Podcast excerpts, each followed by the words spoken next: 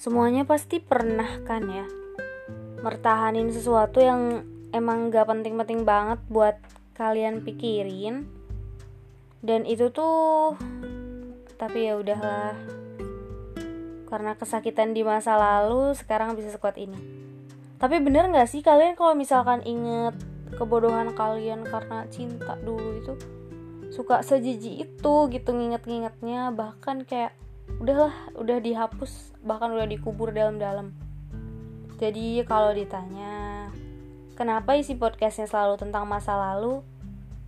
Ya alasannya karena itu pengalaman yang saya punya. Itu harta yang saya punya yang bisa saya bagikan ke kalian semua dan bisa saya nikmati kapan pun saya mau. Dengan cara sederhana yaitu mengingatnya. Ya bagaimanapun juga itu kan cuma masa lalu Diingat boleh, asal jangan terjebak. Gak boleh macet di jalanan yang luang tahu. Bangkit, bergerak. Kamu pasti bisa kok. Gampang kan ngomongnya? Perkara yang semua orang tahu, tapi masih tetap ngasih support dengan kata udah lupain aja. Bangkit ya. Kamu pasti bisa kok dapat yang lebih baik dari dia gak semudah itu gak semudah itu kok. Proses. Sabar. Nikmatin jalannya. Perih.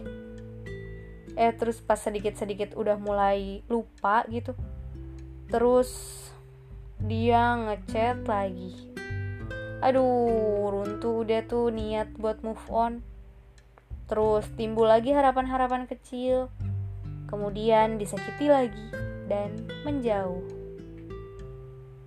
Emang ya, yang namanya masa lalu itu ya ya udah disimpan aja gitu. Gak perlu dibawa-bawa dan dilibatkan karena itu gak penting sama sekali. Eh, tapi ada pentingnya juga sih. Ya karena dia udah ngasih banyak pelajaran dan udah mampu menjadi ayah kedua gitu. Jadi maksudnya karena dia tuh udah ngajarin banyak hal dalam sebuah pertengkaran, bertahan, dan berpisah.